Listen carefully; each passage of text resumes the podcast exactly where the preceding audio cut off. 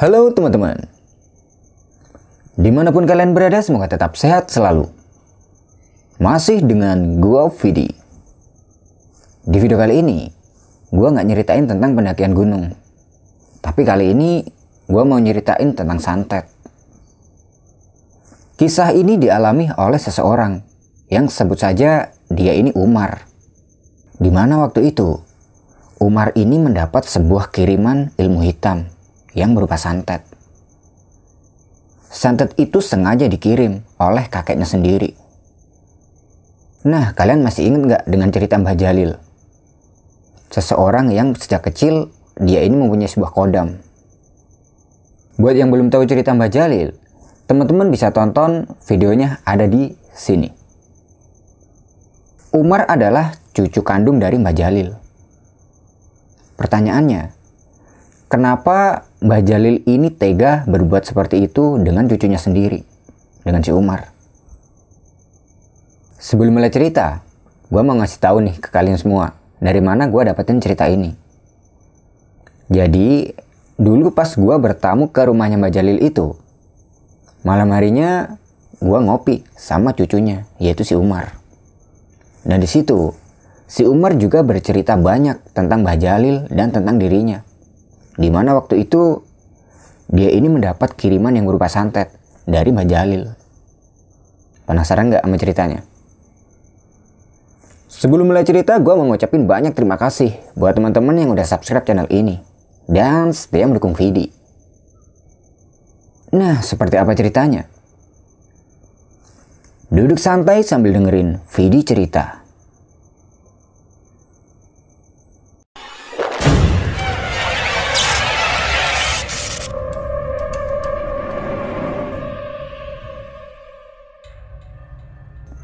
Umar. Dia adalah seorang anak muda yang waktu itu umurnya kira-kira masih 18 tahun. Dia hidup di keluarga yang bisa dibilang tidak begitu mampu. Kegiatan Umar sehari-hari adalah mencari rumput dan mencangkul di sawah. Nah, si Umar ini kan dia punya dua sawah. Sawah yang pertama letaknya ada di sebelah timur kampungnya. Sedangkan sawah yang kedua Letaknya ada di sebelah barat kampungnya.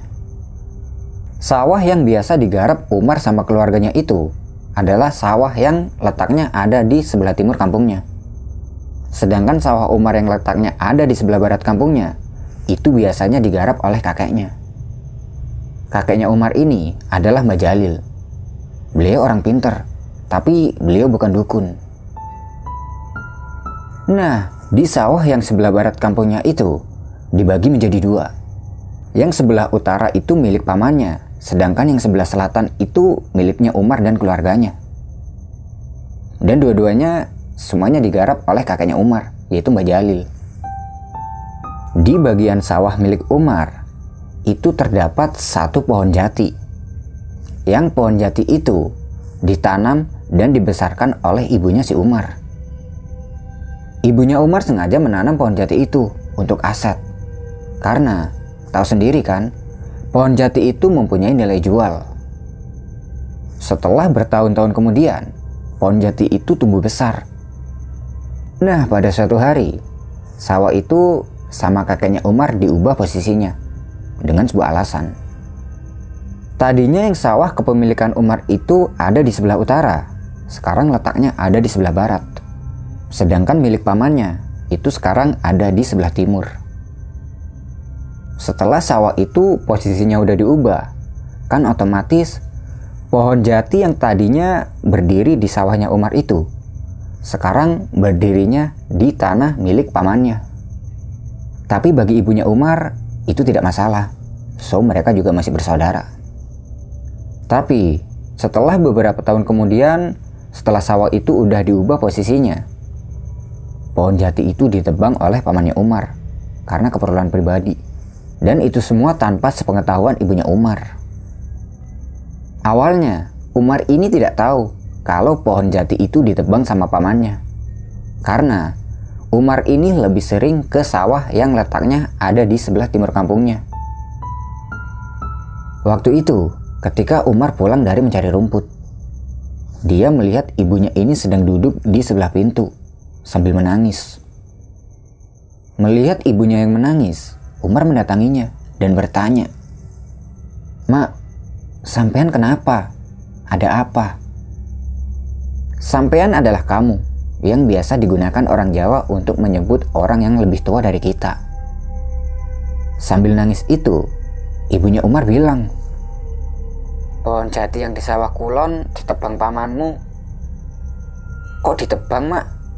Memangnya paman gak bilang apa-apa sama emak? Enggak, dia cuma bilang ke kakekmu dan diizinkan. Sawah itu kan memang yang merawat adalah kakeknya si Umar.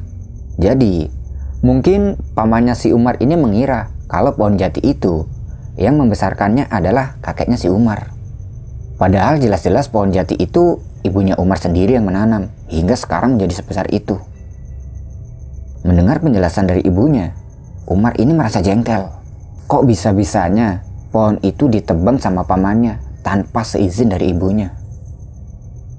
Dia pergi ke rumah kakeknya untuk menanyakan hal ini.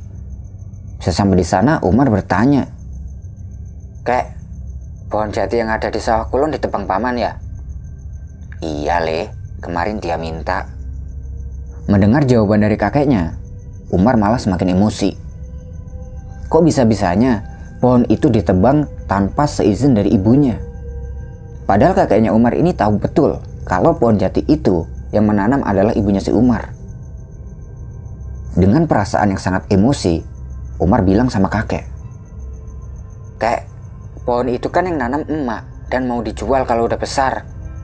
Iya, kemarin diminta sama pamanmu, jadi kakek berikan. Tapi kan itu pohon yang ditanam ibu, kek. Kalau kakek melarangnya pasti paman gak bakalan tebang. Sampai ini orang tua macam apa? Ucap Umar dengan sangat kesal sambil dia ini melempar putung rokok yang habis dihisapnya tepat di depan kakeknya di meja. Tapi untungnya putung rokok yang masih menyala itu tidak sampai mengenai badannya si kakek. Setelah itu Umar keluar dari rumah kakeknya tanpa permisi. Dia berjalan pulang dengan perasaan yang masih kesal. Tapi ya mau bagaimana lagi? Orang itu pohon juga udah ditebang, nggak mungkin bisa balik lagi. Jadi mau tidak mau ya ikhlasin aja. Beberapa hari setelah itu, Umar dan ibunya sudah mengikhlaskan pohon jati yang ditebang oleh pamannya itu. Nah, Umar ini kan bisa dibilang dia masih sangat muda. Kalau malam hari, dia ini suka nongkrong sama teman-temannya di warung kopi hingga larut malam. Jarak antara warung kopi dan rumahnya Umar ini tidak begitu jauh. Ya, kurang lebih sekitar 200 meteran. Jadi, Umar ini kalau ngopi dia selalu jalan kaki. Pada suatu malam, tepatnya ketika Umar ini pulang dari tempat ngopinya itu seorang diri. Di depan, dari kejauhan, dia ini melihat ada putih-putih yang berada di atas pohon nangka. Melihat itu, Umar tidak berpikir aneh-aneh. Dia menganggap mungkin putih-putih itu adalah benar bekas atau mungkin karung.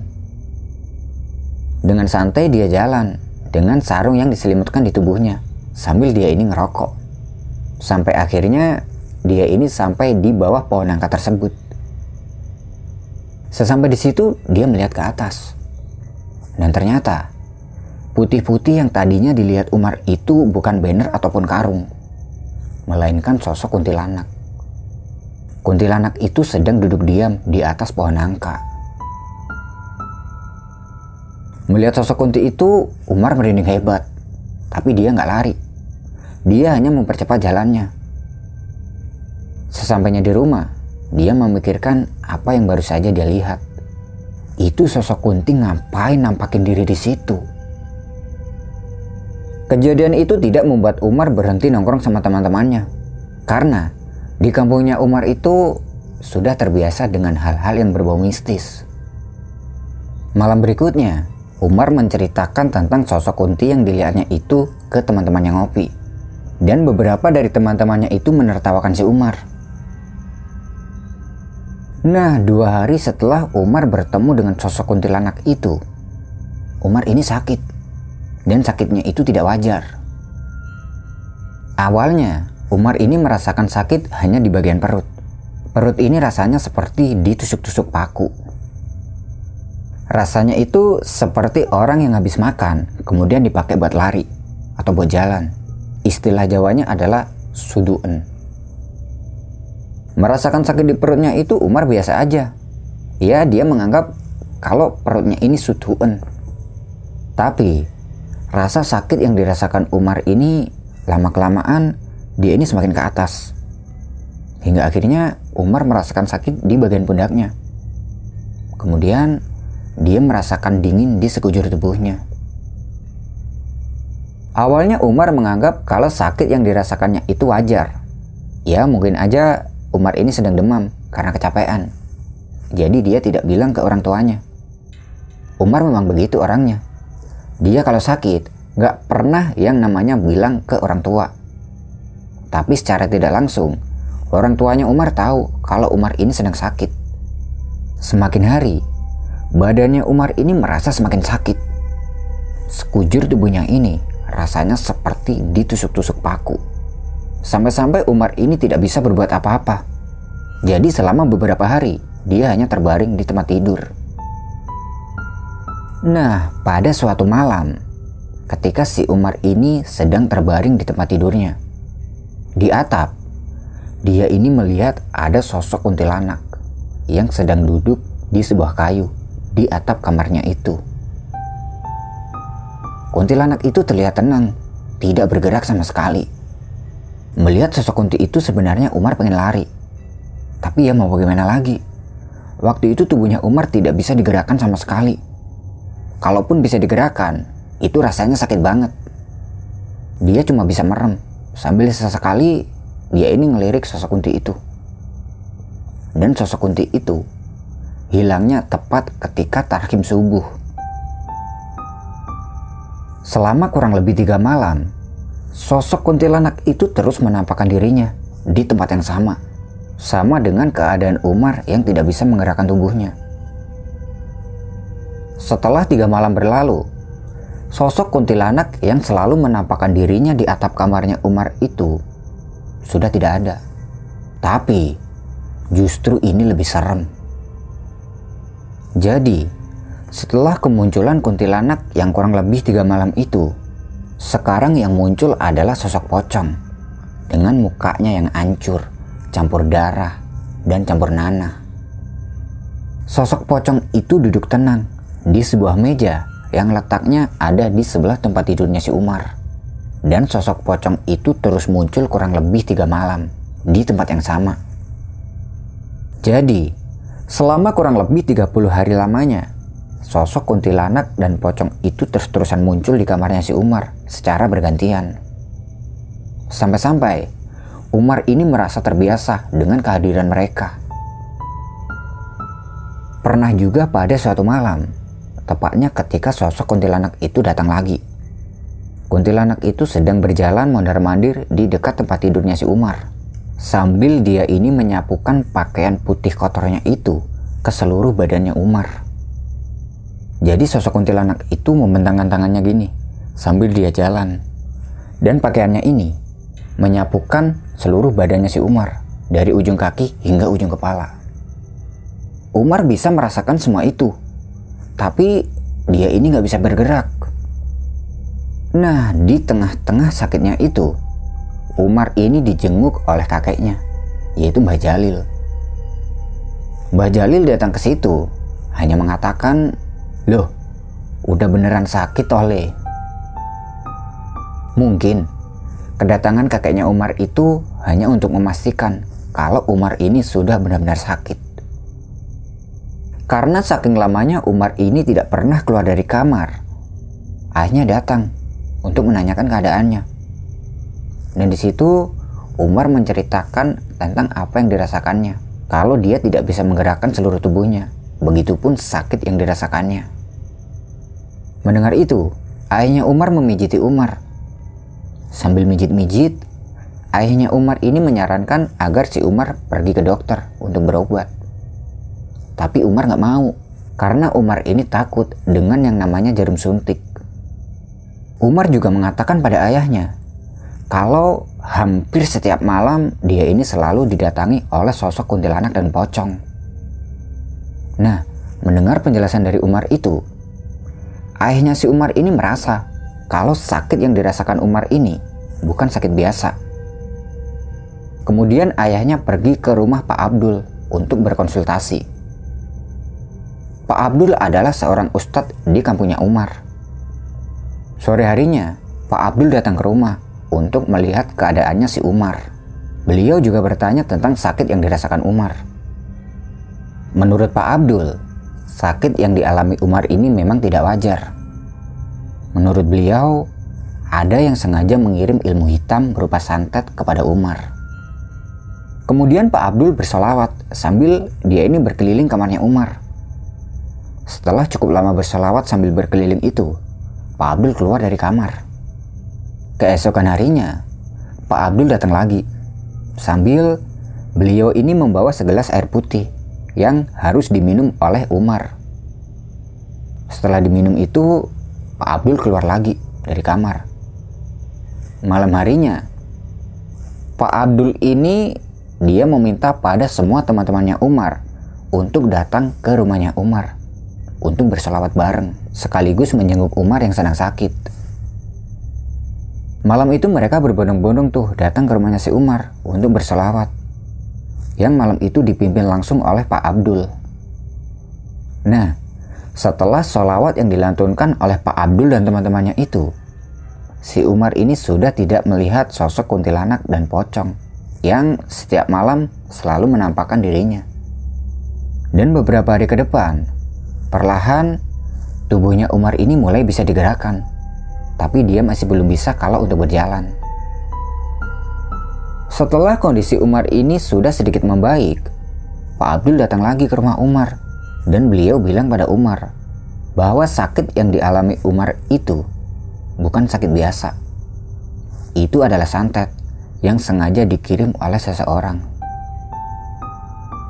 Mendengar penjelasan dari Pak Abdul itu, Umar bertanya, siapa yang sengaja mengirim santet itu? Tapi di sini Pak Abdul belum menjawab dulu. Dia malah bertanya pada Umar. Sebelumnya, kamu pernah berbuat salah sama orang gak? Si Umar ngejawab, Perasaan gak pernah deh pak. Ini dari kakekmu sendiri. Jawab Pak Abdul dengan singkat. Pak Abdul juga memberitahu kepada Umar bahwasanya selama kurang lebih 30 hari dia sakit itu, perutnya Umar ini sedang diikat. Kedua tangannya, kedua kakinya, dan di lehernya. Kalau dilihat dari sisi gaib, perutnya Umar ini ditali, kemudian ditarik ke kanan dan ke kiri. Begitu juga dengan tangannya dan kedua kakinya. Dan di bagian leher, dia ini diikat dan ditarik ke atas. Jadi otomatis Umar ini tidak bisa berbuat apa-apa karena seluruh tubuhnya itu sudah diikat. Lalu siapa yang mengikat Umar itu? Tentu saja yang mengikat Umar itu adalah jin, suruhan dari kakeknya. Ya pantas aja, selama kurang lebih 30 hari, Umar ini merasa kesakitan di sekujur tubuhnya dan tidak bisa berbuat apa-apa. Dan andai saja kakaknya si Umar itu berniat ingin membuat Umar mati, maka seketika itu juga Umar bisa mati. Umar coba mengingat-ingat tuh kesalahan apa yang pernah dia lakukan sama kakaknya. Dan akhirnya dia ingat kalau dia ini pernah berbuat tidak sopan sama kakeknya. Umar berpikir, apa mungkin ini perbuatan si kakek? Seingat Umar, dia ini pernah melempar putung rokok tepat di depannya kakeknya. Mungkin karena kejadian itu kakeknya Umar ini merasa marah hingga dia bisa berbuat seperti itu kepada Umar. Beberapa hari kemudian, ayahnya Umar datang ke kamarnya untuk menanyakan keadaannya. Sambil ayahnya ini memijit-mijit Umar yang belum bisa turun dari tempat tidur. Nah, ketika sedang dipijit ayahnya itu, perut Umar ini tiba-tiba merasa sakit karena dia ingin buang air besar. Spontan dia bilang ke ayahnya, Pak, pak, sebentar pak, aku pengen buang air. Kemudian dia langsung jalan ke kamar mandi untuk buang air. Nah, ketika buang air itu, yang dikeluarkan Umar ini bukan kotoran, melainkan darah kental yang warnanya itu sudah agak kehitam-hitaman. Dan di kamar mandi itu, Umar menyadari sesuatu. Loh, aku kok udah bisa jalan ya? Umar merasa senang karena dia sudah bisa berjalan lagi. Setelah buang air besar itu, dia kembali ke kamar. Dan semenjak itu Umar sudah bisa berjalan normal seperti biasa. Bahkan dia sudah bisa beraktivitas. Saking senangnya kalau Umar ini sudah bisa berjalan lagi. Pagi harinya dia jalan-jalan tuh keliling kampung. Nah, beberapa hari setelah keadaan Umar ini sudah membaik, Umar mendapat kabar dari ibunya kalau kakeknya sedang sakit dan Umar diminta untuk menjenguknya. Umar segera pergi ke rumah kakeknya.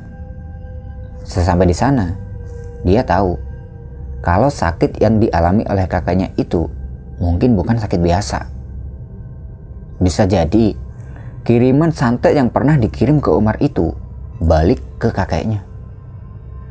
Ya sedikit-sedikit Umar ini tahulah tentang ilmu Jawa. Jadi, santet itu bisa kembali ke pengirimnya. Dan kalaupun kembali, itu akan berakibat fatal.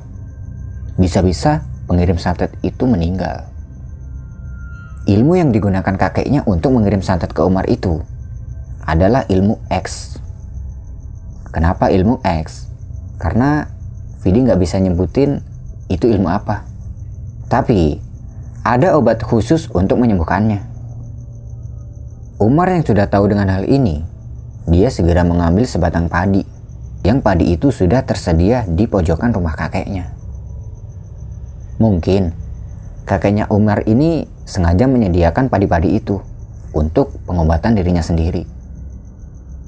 Kemudian, padi itu sama Umar diambil benihnya, hingga menyisakan batangnya doang. Setelah itu, Umar membakar batang pohon padi itu dan abunya itu dimasukin ke segelas air putih. Dan air putih itu diminumkan ke kakeknya Umar. Dan syukurlah, setelah meminum itu, perlahan kondisi kakeknya Umar ini membaik.